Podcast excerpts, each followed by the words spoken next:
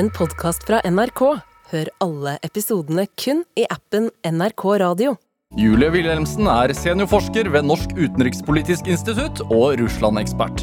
Hun har doktorgrad i statsvitenskap og er en av landets fremste på internasjonale relasjoner og sikkerhetssamarbeid. Wilhelmsen har mottatt flere priser for sitt bidrag i offentligheten, blant dem Fritt Ords pris for sine nyanserende refleksjoner rundt krigen i Ukraina. Dette er Drivkraft med Vegard Larsen i NRK P2. Julie Wilhelmsen, velkommen til Drivkraft.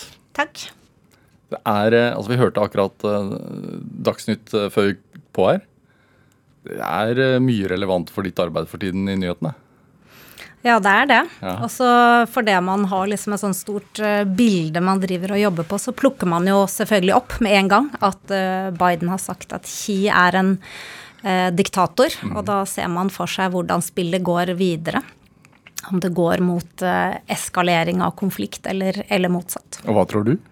Nei, det er jo ikke noen uh, god ting at USA nettopp har hatt sin fremste diplomat i Kina for å forsøke å roe situasjonen, og rett etterpå så går Biden ut og på en måte slå litt bena under det diplomatiske initiativet, da, med mm. å brennemerke Xi som en diktator. Så det er ikke noe godt tegn, men eh, man, eh, altså det er jo forståelig. For det Biden også snakker til et, eh, et hjemmepublikum, og det er det han gjør først og fremst sikkert når han sier det. Og det er jo samlende for USA, det at USA står for demokrati og motstår diktatorer og, og bekjemper diktatorer ute i verden. Så dette er et komplekst spill som, som går for seg, og som man ja, som jeg følger med på, da, ja. siden jeg jobber med internasjonal politikk. Ja, Samlende for USA, men hva for resten av verden?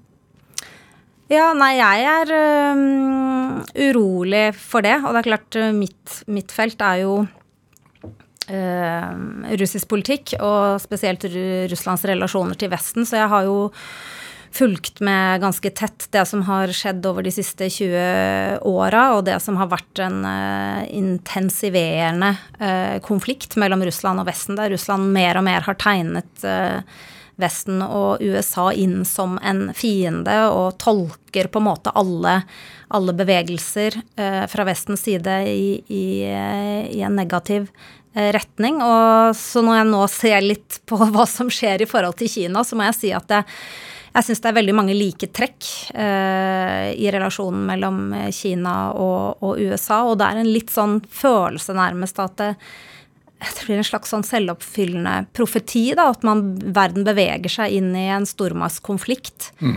Eh, og spesielt når det gjelder Kina og, og, USA, som kanskje ingen egentlig er eh, interessert i. Uh, altså at det skal bli konflikt, nei? Ja, ja, Nei, det er klart ingen egentlig er interessert i det. Ikke de heller? Så, nei, ikke de heller. Men man opererer på en måte i hver sin boble, da, mm. som, som, stormakter. Og så, uh, og så kan det til slutt bli konflikt. Hvor utløsende kan retorikk være? Uh, Altså, jeg syns eh, retorikk er uh, veldig, veldig viktig, og studerer det ganske nært. Først og fremst fordi man jo forsøker å forklare hva ulike aktører på den internasjonale arena gjør. -hmm. Og da er det ikke slik at det er noen sånn, hva skal jeg si, kausal sammenheng mellom de sier dette dette, derfor så kommer de til å gjøre akkurat dette. Så du kan ikke liksom predikere ting. Men for meg som jobber med eh, russisk politikk, så er det helt klart at eh, Russ, Putins eh, eskalerende retorikk i forhold til at eh, eh Vesten utgjør en, en trussel, mm. eh, det på en måte har skapt et mulighetsrom for hva Eh, Putin har kunnet gjøre. F.eks. intervenere i Syria i 2015. Og etter mitt skjønn også forsøke å eh, legitimere krigen mot Ukraina, selv om det var mange det var mange ulike fortellinger om hvorfor den krigen mot Ukraina angivelig var nødvendig. Så mm. det er veldig nyttig å studere retorikk når man studerer internasjonal politikk. Men det er også slik at retorikk er veldig viktig i samhandlingen rent faktisk mellom internasjonale aktører. Eh, og det tror jeg man underkjenner. Mm. Uh, F.eks. det at Biden kaller Xi for en diktator. Det kan være det stort sett er for innvortes bruk, men det er klart at uh, kineserne hører dette, mm. og det passer inn i deres um, økende fiendebilde av, av USA. Uh, og de kommer til å på en måte uh, det, er, er, stadig vekk interaksjon, da, og denne uh, retorikken er, er, er, veldig viktig. Mm. så nå får vi se hva svaret blir fra Kina. ikke sant? Det er som å studere en slags sånn krangel, nesten. Ja. Mm. ja. Bare på et litt større nivå? På et litt større og farligere nivå. Ja. Mm. hvordan har du det om dagen?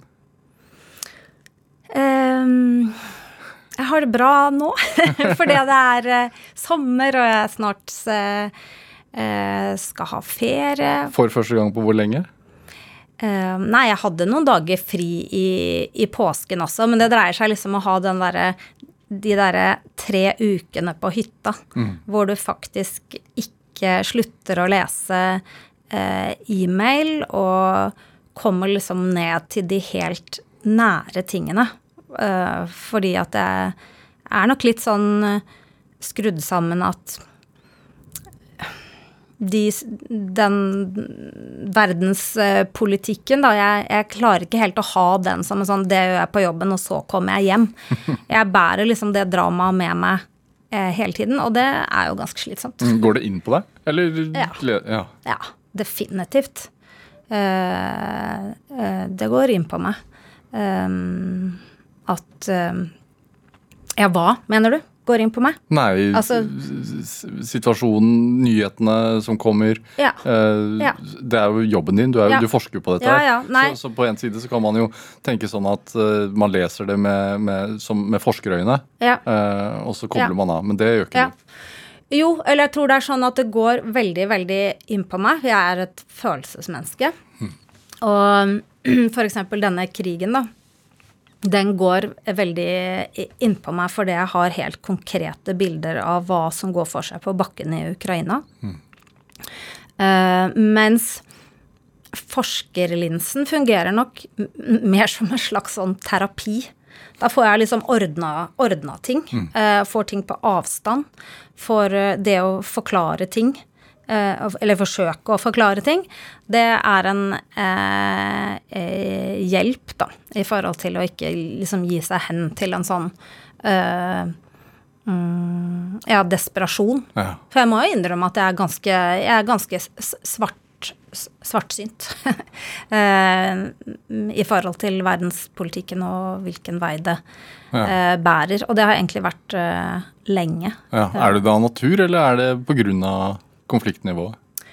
Uh, altså, jeg er, er, følsom av natur, og så er jeg vokst opp med en sånn bevissthet om uh, verden og verdenssituasjonen, og at alle mennesker egentlig hører sammen. Mm. uh, og at ja, konflikter kan og bør løses. så det er nok en, en kombinasjon av personlighet og en del sånne um, syn jeg har med meg hjemmefra. Burde optimalt, sett vært, ja, burde, mm. burde optimalt sett vært gartner? Ja, men det er jeg altså. Det, er liksom, det, er, det har ikke blitt så mye tid til det, da, men det å luke i hagen, det er uh, favorittsyssel. Ja. Dette er Drivkraft med Vegard Larsen i NRK P2. Og i dag er eh, seniorforsker ved NUPI og Russland-ekspert eh, Julie Wilhelmsen her hos meg i Drivkraft på NRK P2. Det med, det med å være forsker ved NUPI, eh, hva, hvordan, hva, gjør du for å stille et uh, dumt spørsmål? Mm. Hvordan, hvordan, forsker du? Altså eh, NUPI som forskningsinstitutt har jo blitt eh, del av hva skal jeg si, den internasjonale akademiske verden. I den forstand at eh, vi publiserer eh, stort sett på engelsk mm. i fagfellevurderte tidsskrifter. Um, og vi har, hva skal jeg si, det mye omdiskuterte tellekantsystemet eh, fungerer i hvert fall på NUPI. For at nå er, eh, som forsker på NUPI må du tjene inn alle prosjektene dine selv. og, du, og vi har liksom ganske høyt trøkk på Vi bør publisere to sånne fagfellevurderte artikler per år. Ja, for og det er veldig mye i forhold til det du gjør på universitetet, f.eks. Um, så det er det som er meritterende. Uh, så det, det er jo forskning som all forskning. Du må ha et godt forskningsspørsmål, du må ha en teori, eh, og så må du drive empirisk arbeid hvor du forsøker å eh, svare på, på forskningsspørsmålet ditt. Så det eh, er det som er hovedjobben vår på NUPI. Tjene inn penger og publisere. Men så har vi jo også eh, har NUPI et eh, mandat om å opplyse norsk offentlighet om internasjonale forhold.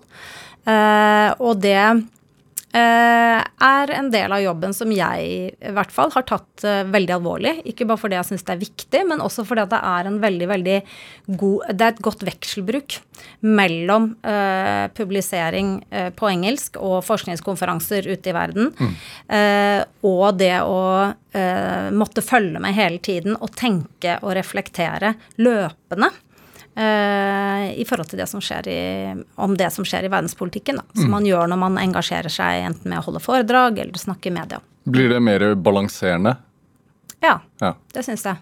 Og det blir en, en sånn slags sjekk, for det er klart at deler av forskningen, spesielt innenfor det feltet som heter internasjonale relasjoner, har en tendens til å bli veldig teoretisk, ne, nesten filosofisk, med litt for lite kontakt med, det fakt, med faktisk empirisk utvikling. Ja. Så det å måtte følge med på eh, eh, politikken slik den utvikler seg fra dag til dag, da, det er en, en veldig god kilde. Ja. Jeg vet at du nettopp var i Estland, i Tartu, eh, med et forskningsprosjekt som heter VARU. Um, er, dette er noe, altså et av disse du holder på med nå? Ja, det er et av de prosjektene som jeg eh, leder, som heter da When Every Act Is War, og som studerer russisk-vestlige eh, forhold etter annekteringen eh, av Krim mm. eh, i 2014. Så det handler om hvordan å forsøke å, å forklare hva som skjer når to aktører, f.eks. Russland og Nato, begynner å tolke den andres handlinger, ulike handlinger, eh, som krigshandlinger. Også handlinger som egentlig ikke vi forbinder med tradisjonell krig. Mm. Eh, F.eks. informasjon og påvirkning osv. Da får du en slags spiral da, hvor det er umulig å relatere til motparten. Eh, eh, Og så er på en samhandlende måte, for det at man tolker alt de gjør som, eh, som egentlig en krigshandling. Ja, Så propaganda på internett, på sosiale medier, er en alle krigshandling? uttalelsene til motparten er bare eh, propaganda, og til og med en diplomatisk invitasjon, kan vi møtes eh, for å snakke om dette, tolkes egentlig bare som et slags sånn spill for galleriet. Å ja, Nato inviterer til en eh, samtale med Russland, men Nato har egentlig bestemt seg, og de kommer ikke til å gi oss noen ting, for deres egentlige hensikt er å undergrave Russland ved å utvide Nato.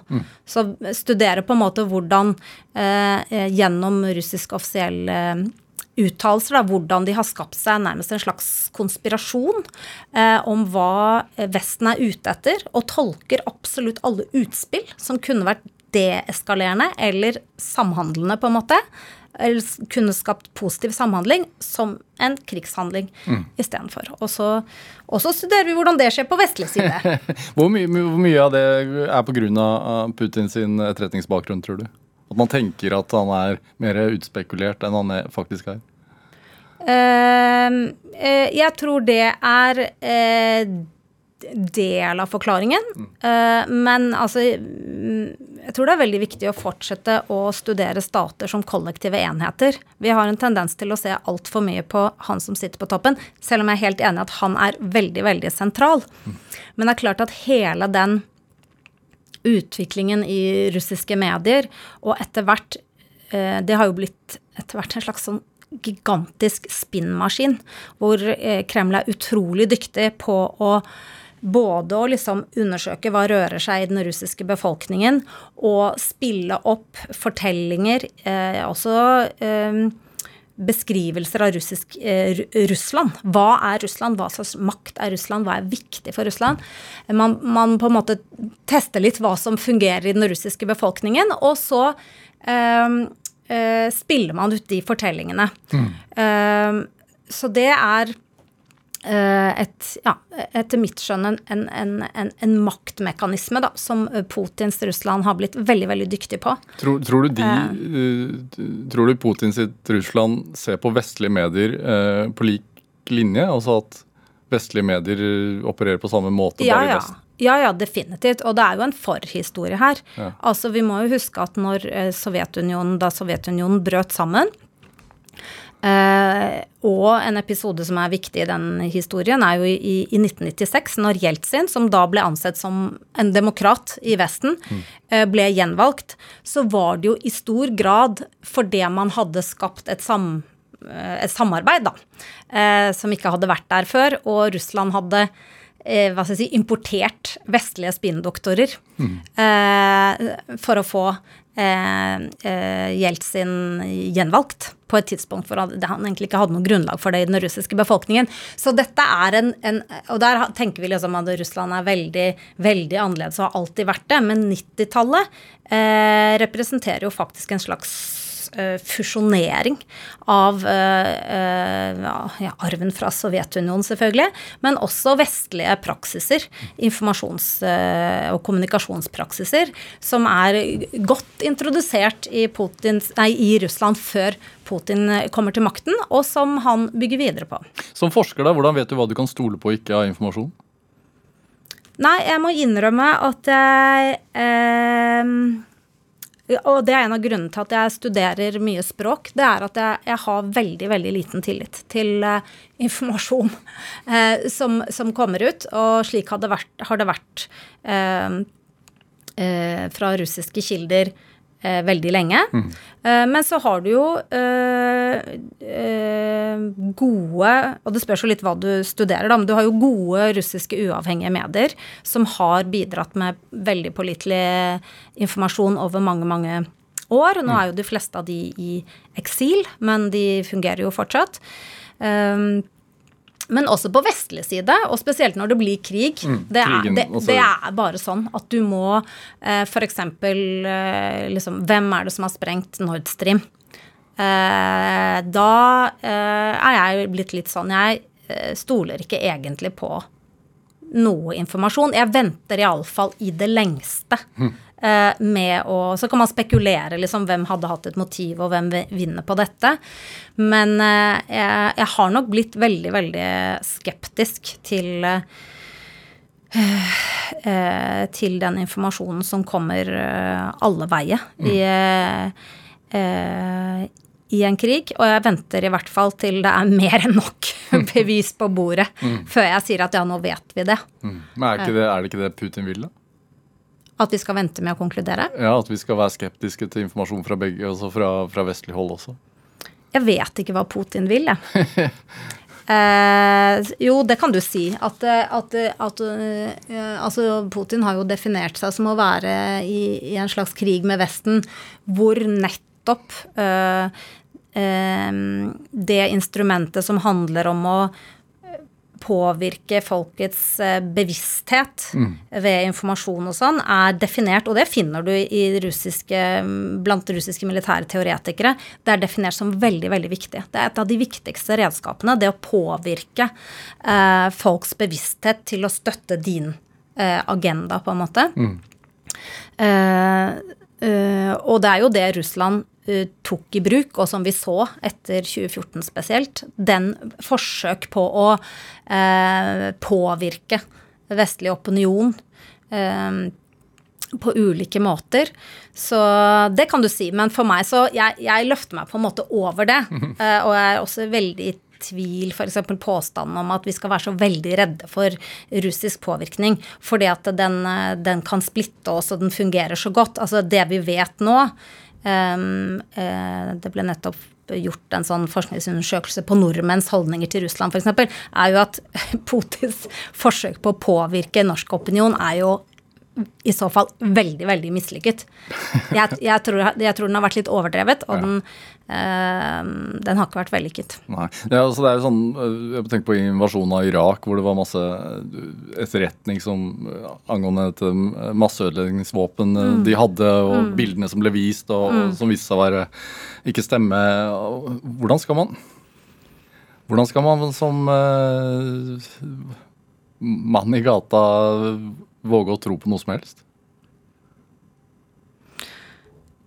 Um, nei, det er et, eh, et eh, stort eh, problem. Jeg skjønner det veldig godt. At man, at man ender opp med ikke uh, å tro på noe. Men jeg syns også det er en sunn skepsis da, i det. Ser du på det som litt som din oppgave å redegjøre? Ja, men kanskje ikke på akkurat de tingene som dreier seg om sånn helt sånn fakta.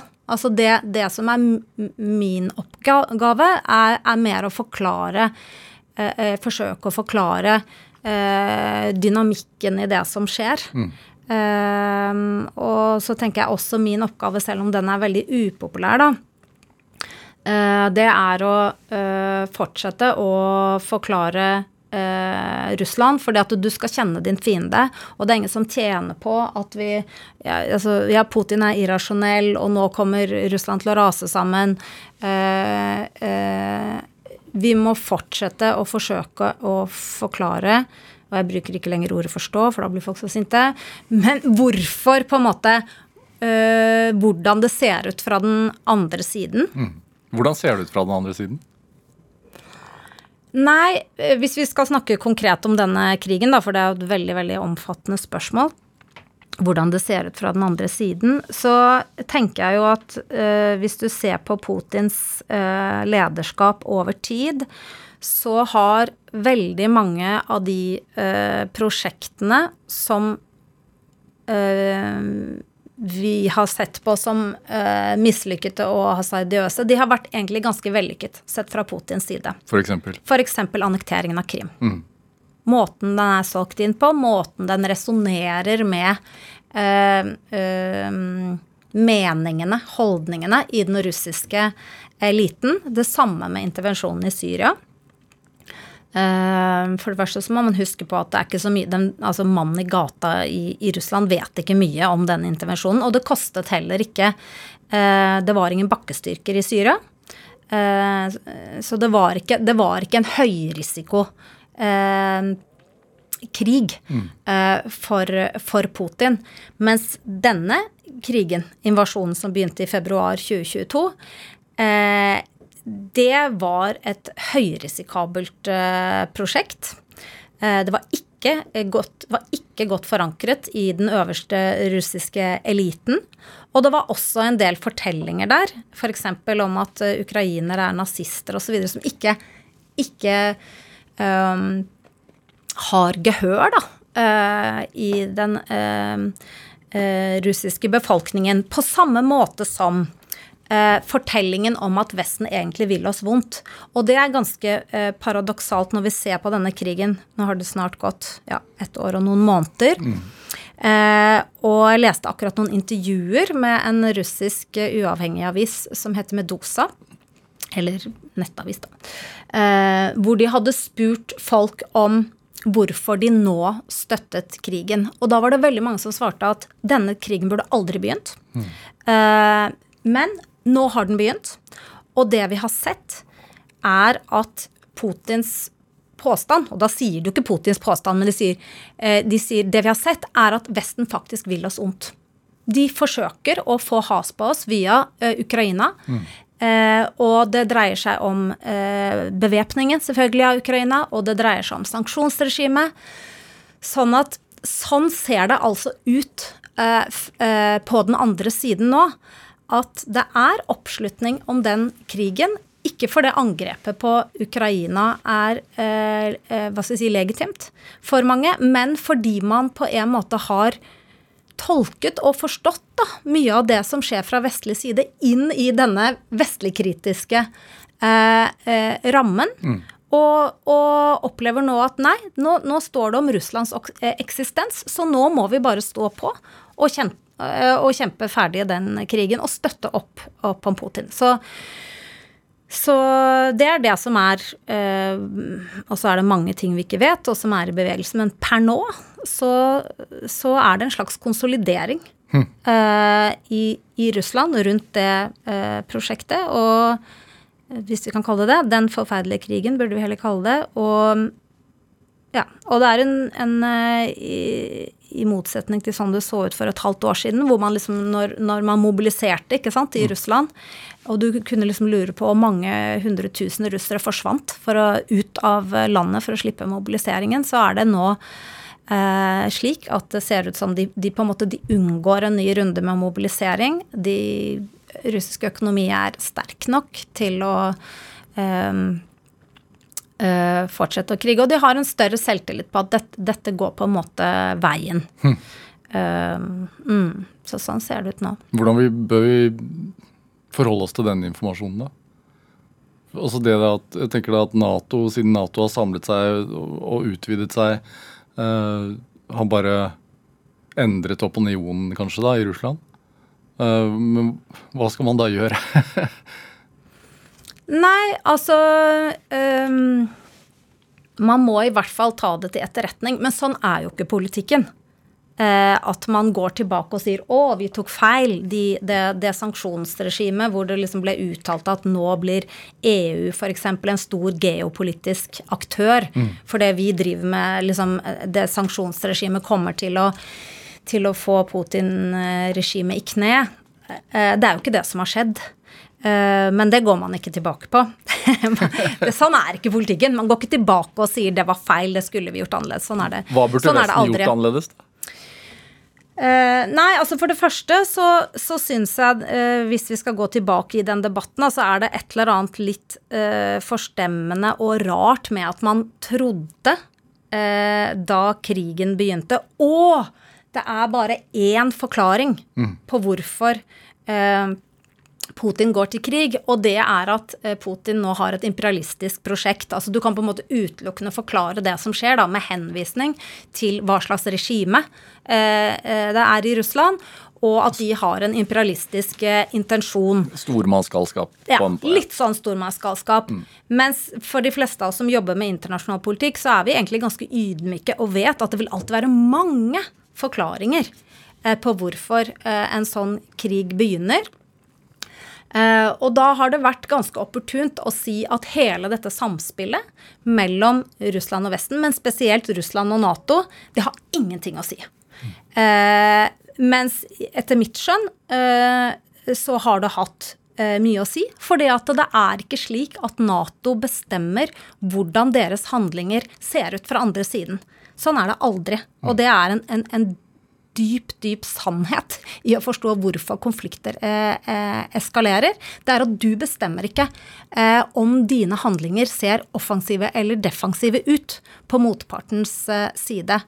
Eh, og, og, dette her er jo altså, kjent over mange, mange år, også fra sentrale amerikanske utenrikspolitikere, at det å utvide Nato, og spesielt Ukraina, mm kommer til å være eh, en, en, en, veldig, veldig vanskelig eh, sak eh, for et, et, russisk regime. Kanskje et hvilket som helst russisk styre, men spesielt dette Putin-styret, da, som etter hvert har framelsket en sånn slags konspirasjon om hvorfor mm. Nato vil utvide til Ukraina. Har samarbeidet mellom Russland og Kina blitt styrket den siste tiden? Ja, absolutt. Ja. Det har det jo. Ja. Uh, Russland har jo Altså Det er jo hva skal jeg si, utfordringen for det vestlige sanksjonsregimet. Det er at det er markeder i store deler av verden utover Vesten. Og, det, og det, der har jo Russland selvfølgelig kunnet knytte seg opp, både til Kina og India og i Afrika og i, i, i, i Sør-Amerika. Mm.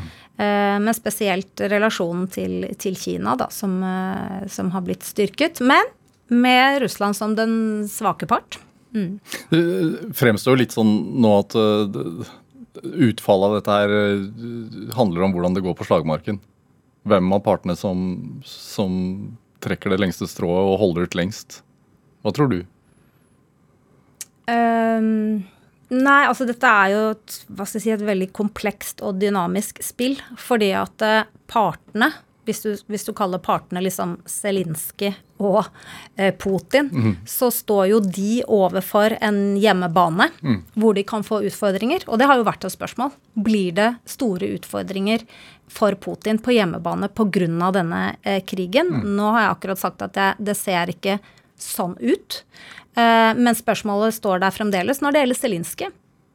Eh, For det, han har jo gått eh, veldig eh, høyt ut, forståelig nok, men eh, sagt nå siden i høst at de skal ta tilbake ikke bare de territoriene de tapte siden 2022, men også Krim, altså det de tapte i, i 20, eh, 2014. Og det er klart at det eh, det kan bli vanskelig å levere på. Og samtidig så har han jo nå en opinion hvor veldig mange, i hvert fall veldig mange av de som har kjempet i fronten, er forpliktet på den agendaen. Det, hele det territoriet eh, skal tilbake til oss. Men så har du jo også et annet lag her, som, eh, et annet nivå, som handler om Ukrainas avhengighet av vestlig våpenstøtte. Eh, og, eh, og det kan fort vise seg at det tar en, eh, en slutt. Eh, nå har de jo fått en, en stor pakke, eh, men så vidt jeg har skjønt, så er det veldig veldig store forventninger f.eks. For i USA om at nå må de levere med denne våroffensiven. Det blir ikke noe mer før det er liksom levert noe.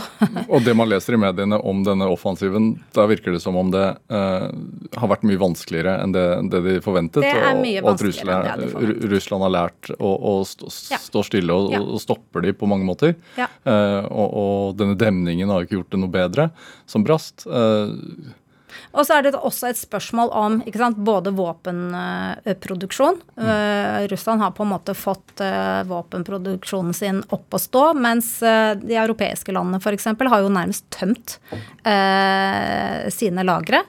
Eh, Eh, og det andre eh, veldig viktige og brutale poenget er jo rett, rett og slett antall mann. For det at vi, eh, Nato-landene, er jo villige til å støtte Ukraina med våpen, men vi er jo ikke villige til å gi noen egne liv i den kampen for Ukrainas mm, ja, territorielle integritet og frihet. ja. Men Mens russerne har jo mer enn tre ganger så mange mennesker å ta av. Så det er en eh, Og dette her er egentlig Det har man visst og sagt ganske tydelig. eh, Og i hvert fall noen røster har gjort det, men det har ikke vært så, så lett å komme fram med litt kyn, de litt kyniske kalkylene, For det man har vært så eh, opptatt av å støtte Ukra Ukraina, naturlig nok. Og, og det så så lyst ut akkurat den første delen av krigen, da, men nå er vi jo i en helt annen situasjon. For de har på en måte forskanset seg ikke sant? I, i Øst-Ukraina og på Krim har de jo vært lenge og er bare en, en, en, en atommakt. Russland er en atommakt til syvende og sist. og det det er eh, avskrekkende for hvor mye hjelp Vesten, eh, tror jeg, da, ser det ut som, kommer til å, å, å gi Ukraina. mm, denne stillingskrigen som er nå ved denne offensiven og den defensiven, hvis den blir langvarig, er det Kan det bli en forhandling? Den grensen? Ja, det tror jeg. Får da Putin det litt som han ville? Ja, det er klart det. Julie Wilhelmsen, vi skal spille litt musikk og få opp stemningen her. Eh, vi skal spille en Van Morrison-låt, 'Days Like This'. Hva, hvorfor det? Det er ikke en låt du hører på når du tenker på det vi akkurat pratet om. Nei, eh, det er det ikke.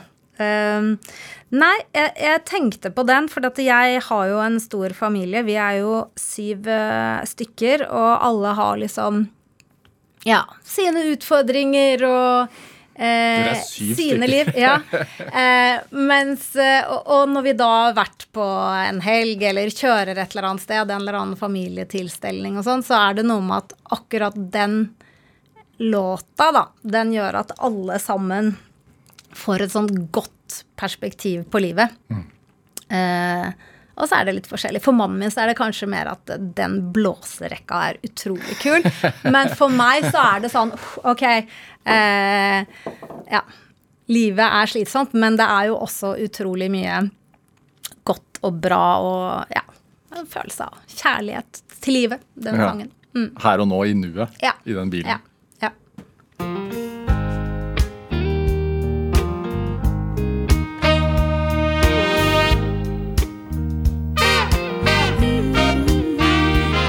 When it's not always raining, there'll be days like this.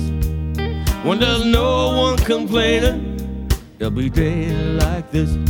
Everything falls into place like the flick of a switch. Well, my mama told me there'll be days like this. When you don't need to worry, there'll be days like this. When no one's in a hurry, there'll be days like this. When you don't get betrayed by that old Judas kiss. Oh, my mama told me there'll be days like this. When you don't need an answer, there'll be days like this. When you don't need a chance, there'll be days like this. When all the parts of the puzzle start to look like they fit, then I must remember there'll be days like this.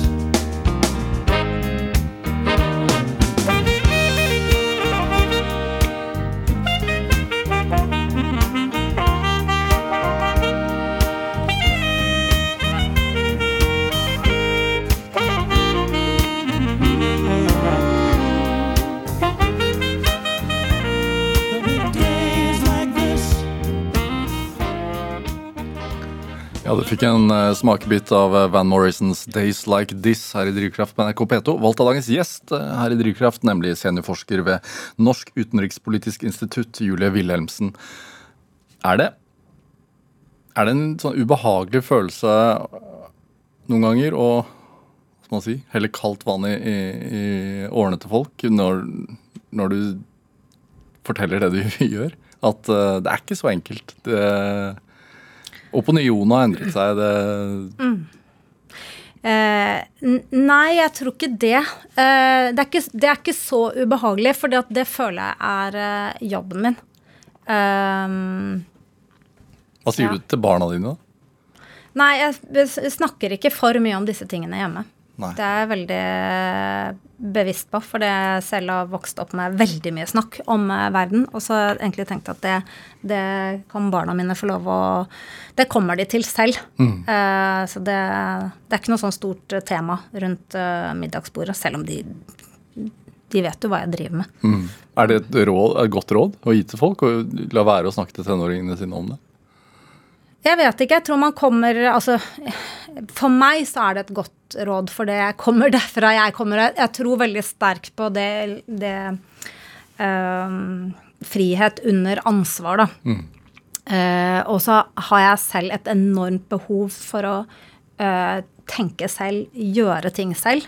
Så det er mulig jeg projiserer det over på barna.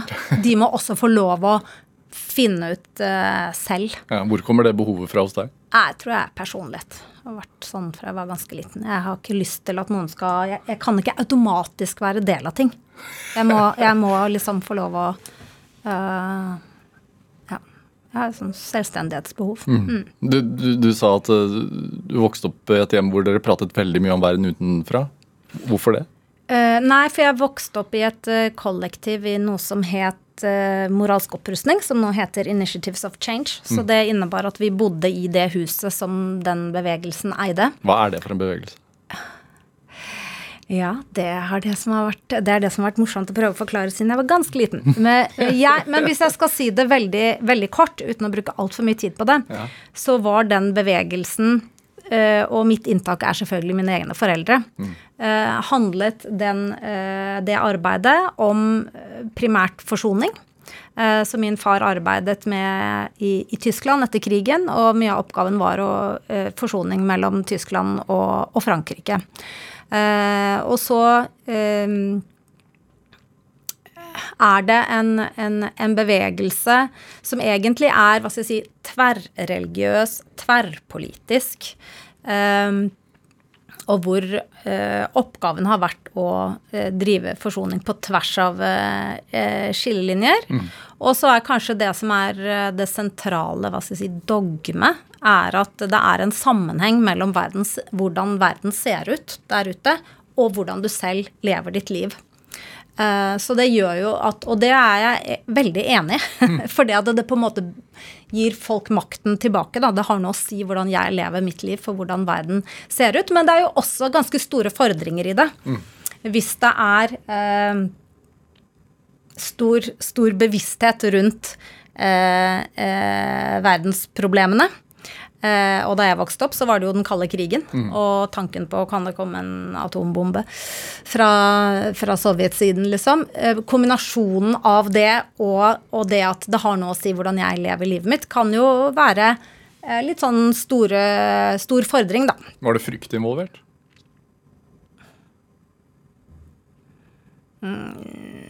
Nei, det er mer, men mer kanskje eh, Jeg har store fordringer på at det er, det er veldig viktig hva, hva jeg gjør, og at jeg har et ansvar. Eh, men Hvordan det er jo både positivt og negativt. Ansvar kan bli for tungt, ikke sant. Ja. Hvis det er sånn at jeg har ansvar for å redde, redde verden, og det er åpenbart, det kan jeg ikke. Eh, men samtidig så er det jo bra, eh, og kanskje spesielt for unge mennesker, å kjenne på at de har faktisk et ansvar. Hva slags ansvar kverner i deg, da? Nei, nå øh, øh, Nå er det jo massevis. Eh, fordi jeg har eh, ansvar for eh, mine barn og min familie. Jeg har ansvar for mine venner, mennesker jeg har møtt. Og jeg er veldig dårlig på å slippe folk. Har jeg først, på en måte har jeg først gått en vei med dem, så, så må jeg på en måte, og vil, følge opp. Eh, og så er det selvfølgelig jobben, eh, som har ulike eh, fasetter. Og så er det liksom til slutt, da, men med den veldig sånn eh, eh, bare helt klart veldig ydmyk holdning til at eh, det er ikke så mye vi kan gjøre, så, ha, så føler jeg et ansvar for å eh, for å fortsette å mm, si hva jeg ser, da. Eh, og ut fra de, den, den kunnskapen jeg har. Eh, og jeg tror nå, og det er jo kanskje noe av det som gjør at jeg har blitt kritisert, så er jeg litt sånn Jeg har gått Altså, jeg er persona non grata i Russland. eh, fordi jeg har jobbet med Tsjetsjenia-krigen og uh, skrek opp, vil jeg bruke ordet, om de grusomme menneskerettighetsbruddene som gikk for seg under Tsjetsjenia-krigen, og egentlig internasjonalt med Global War on Terror. Men eh, på det tidspunktet så var jo ikke det det var ikke populært, men det var noe som ikke ble sagt. Eh, og så har jo Putins Så for meg så er liksom Putins Russland har vært kritiserbart, og jeg har kritisert det fra første stund. Eh, mens nå har vi kommet så langt at eh, jeg kan fortsette å kritisere Putin, men det er ikke så veldig interessant lenger, For alle gjør det hele tiden, og på en litt sånn unyansert eh, måte noen ganger. Eh, mens det ingen gjør, det er å rette det kritiske blikket også eh, på den vestlige siden. Så det føler jeg kanskje jeg har hatt et lite ansvar for, da og eh, fortsette å, å rette det kritiske eh, blikket også mot oss. Og det er jo for det, på en måte for det man har gitt opp, da. Eh, jeg har ikke noe om jeg kritiserer eh, Putin, det, det, det hjelper ikke. Det eneste jeg kan gjøre, er å, å støtte de, de russiske kollegene jeg har, de russiske eh, journalistene og menneskerettighetsforkjemperne jeg kjenner, og gi dem på en måte min, min eh, solidaritet. Mens her på min side så kan jeg kanskje eh, bidra eh, til å eh, til, Med noen perspektiver og noe kunnskap som potensielt kan muliggjøre en klokere politikk, da, eh, i forhold til eh, Russland. Men Hva, hva, hva i, i oppveksten din tilsier at du eh, skulle bli uredd og stå, mot, eh, stå opp mot røkla og, og si din mening? nei, det tror jeg er personlighet. Født sånn? Ja. Litt, litt akkurat på det. Så Ja. tror jeg det er eh, eh, personlighet. Men det er klart at det Hva sto du opp mot som barn, da? Nei, da sto jeg selvfølgelig opp mot ting innenfor det jeg vokste opp i. Ja. Eh, eh, kanskje ikke så veldig høylytt, men jeg fant meg noen andre arenaer, liksom, utenfor eh, utenfor mm, moralsk eh, opprustning. Men det er klart at det utenforskapet, uh, det er jo noe du lærer av. Følte du på det siden du vokste opp i et Utenforskap er ikke noe problem for meg. Nei. Snarere tvert imot. Jeg trives egentlig ganske godt i helt fremmede nye miljøer. Men opplevde du det, at det å vokse opp i et kollektiv på den måten var en form for utenforskap? Ja ja, veldig. Ja. På hvilken måte da? Nei, allerede på barneskolen. Det var jo litt rart, på en måte. Ja. Uh, Som du sa, nå må jeg forklare det igjen. ja, ikke sant? Nettopp det. Ja, hva, ikke sant? hva gjør moren og faren din? Ja, det er lege, eller sånt, et eller annet sånt eh, enkelt hadde jo vært fint å, å kunne si. Uh, og så var det jo klart at det, det, var, det var et veldig annet liv min uh, mor og far levde. Hvordan annerledes enn andre barn? Ja, absolutt. For eksempel bare det å Ja, at det alltid var eh, veldig mange rundt middagsbordet. Ofte gikk det på engelsk, og det var jo ikke et Det var jo ikke Det var li- litt som å vokse opp i en ambassade på et vis. Det var ikke et, et sted jeg hadde med meg masse venner hjem og sånn til stadighet. Mm. Hva gjorde moren og faren din, da? Så rent sånn faktisk? Um, de, ehm, de drev det huset. huset. Så, og moren min eh, eh, jobbet mye som Jeg vil si hun var en, eh, en, eh, en, en kokk og eh, husholderske på mange måter. Men det dreide seg mye om å, å, å ha møter og eh, og um, hva heter det? Reach out til, eh, til mennesker og snakke om eh, nettopp eh, konfliktsituasjoner, eller prøve å lege sår, da. Men det var hele veien dette, denne forbindelsen mellom eh, hvordan du lever livet ditt selv. Så min mor og far f.eks. de eh, begynte, eller begynner fremdeles dagen for min fars del, da, med en stille stund. Eh, som rett og slett er en slags meditasjonspraksis. Og så levde man jo kollektivt sammen med de andre som bodde i det huset. Eh, og så var det eh, møter og mye reising, for dette var en internasjonal eh, organisasjon. Men det at faren din jobbet etter krigen med å bygge opp relasjonen mellom mm, Tyskland og Frankrike, var, det en sånn uh, tanke om at men, mennesker er mennesker på begge sider av fronten? Veldig. Ja. Eh, og det, nok, det kan nok være både både hva skal jeg si, at det var ideologien eller eh, eh, tanken. Og dette var jo opprinnelig en slags kristen vekkelsesbevegelse som het Oxford-bevegelsen. Så det lå definitivt i, i bånn. Og så hadde det nok eh, eh, litt med faren min som person, da. At han er et sånt menneske som blir veldig eh, glad i folk og følger opp folk. Så Glemmer vi det litt når det er sånne konflikter som det som det er nå? Um, ja, jeg, uh, jeg syns det er en helt eh, grunnleggende verdi, eh, som, og som jo på en måte er Europas verdiarv, da.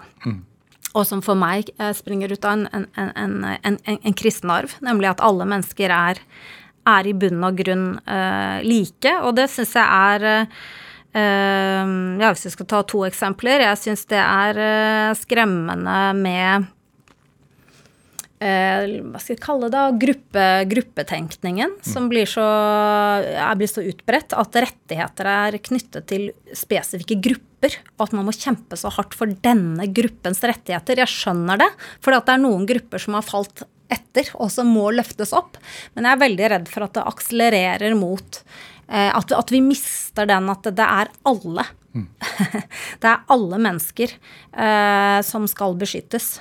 Eh, og det syns jeg også er, selv om denne krigen selvfølgelig er katastrofal eh, for ukrainerne helt spesifikt, eh, så er det også sånn at den tendensen nå til å eh, fremheve russere generelt som kollektivt skyldige i, eh, i denne krigen, og behandle dem deretter, det er jeg veldig, veldig skeptisk til. Hva tenker du om sånn boikott eh, som det prates om hele tiden? Sånn nylig Freia-boikott, og at idrettsutøvere ikke får eh, være med på Ja, da må man på en måte skille litt, da, for akkurat i idretten så er jo den instrumentalisert av den russiske staten på en måte som er veldig problematisk. Så der er- kan kanskje boikott være på sin plass.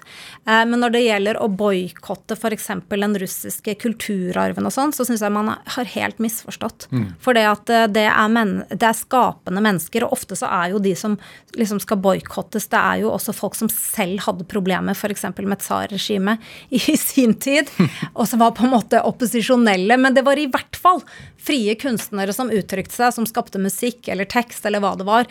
Og det å begynne å klassifisere dem ut fra en gruppe og kansellere dem pga. det, det syns jeg er uhyre problematisk i forhold til akkurat det prinsippet, da. At alle mennesker er like, likeverdige. Hvorfor ble det statsvitenskap og Russland for deg? Um, nei, jeg var på en sånn studiereise da jeg gikk på videregående til, ehm, til Russland. Eh, Leningrad, eh, Moskva og Kiev. Eh, så da så, så det var litt sånn første eh, opplevelse av å, å, å reise til et sted hvor du liksom forestilte deg det der skremmende Sovjetunionen. eh, med bilder av menn i pelshatt på Den røde plass. Og, og reise dit og så treffe unge mennesker, da. Som vi kom i kontakt med. For dette var jo eh, ikke sant, under, under Gorbatsjov så var jo en åpning, og de var utrolig interessert i å snakke med oss. Så jeg begynte å brevveksle med noen unge mennesker fra Kiev. Um, og, og så fikk jeg lyst til å lære språket, og så leste jeg russisk litteratur. Så det var Russland. Mens eh, statsvitenskapen er jo um, er nok mye liksom, interessen for eh, det internasjonale.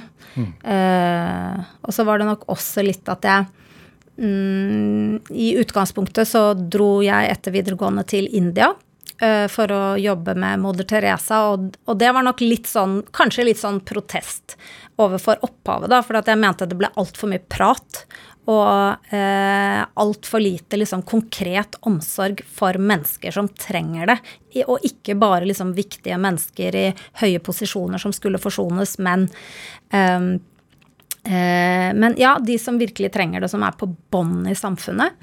Ehm, og det var jo en eh, fantastisk erfaring, men samtidig så ble jeg også mer eh, klar over at kanskje jeg, jeg trengte for, å forstå mer av strukturen, og kanskje trengte jeg å jobbe mer med huet enn, med, enn i et eh, type omsorgsarbeid, da. Så jeg begynte på universitetet eh, på historie egentlig først, og så mm.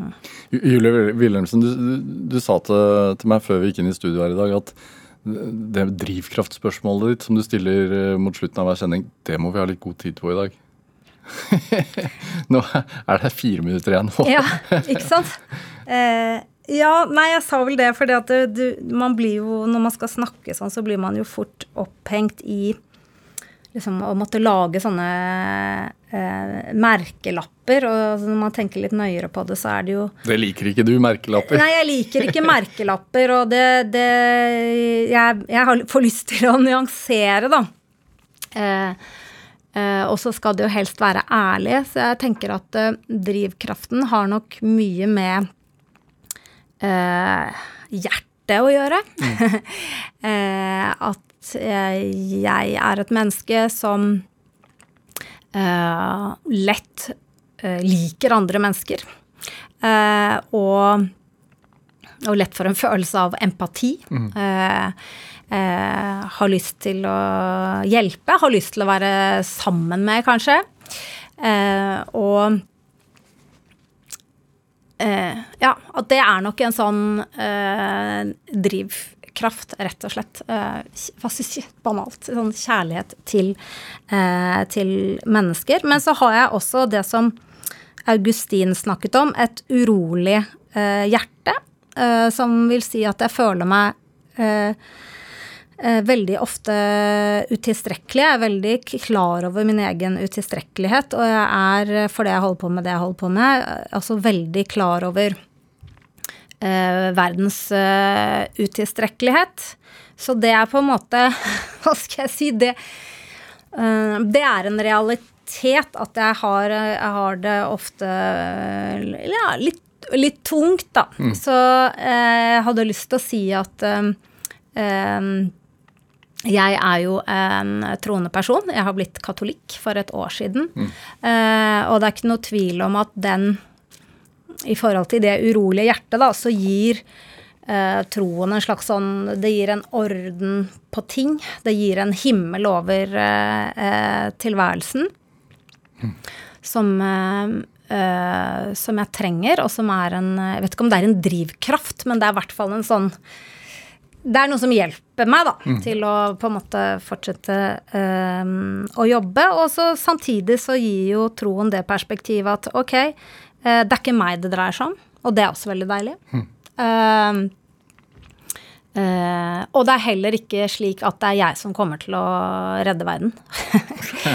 Um, ja, så det, det er en drivkraft. Og så er det jo, men det er liksom det, den merkelappen alle sier, da. At ja, Julie er så utrolig arbeidsom og, eh, og pliktoppfyllende. Og det er også eh, sant. Ja. At det har eh, Og det har jeg nok med meg hjemmefra også. Forpliktelse, liksom. Du, du gjør ferdig ting. Du følger opp ting. Og det er ditt ansvar, da, som vi snakket om. Ja. Jeg leste et uh, Aftenposten-intervju med deg hvor du sa at du gleder deg til å bli pensjonist, for du slipper å jobbe så mye og ta inn over deg alle tingene på den måten. Ja. Ja. Ja da, det, det kan nok være litt sant. Men det kan også være at eh, det er noe jeg sier nå. Eh, jeg er litt sliten nå. Og det, mannen min sier bare 'glem det'. Du kommer aldri til å eh, aldri til å pensjonere deg. Julie Wilhelmsen, tusen takk for at du kom til Drivkraft. Og ha en god ferie når den tid kommer. Takk. Hør flere samtaler i Drivkraft på nrk.no eller i appen NRK Radio. Der kan du også følge oss, så du får eh, alle de siste Drivkraft-samtalene rett inn i appen din. Send oss ris eller ros, og også gjerne tips til mennesker som du mener har drivkraft. Send den e-posten til drivkraft.krøllalfa.nrk.no. Vi hører veldig gjerne fra deg. Produsent i dag det var Kjartan Aarsand, mens eh, Olav Tessem Widsvang gjorde research til eh, denne sendingen. Men dette, dette var Drivkraft. Jeg heter Vega Vegard Larsen. Vi høres. Du har hørt en podkast fra NRK. Hør alle episodene kun i appen NRK Radio.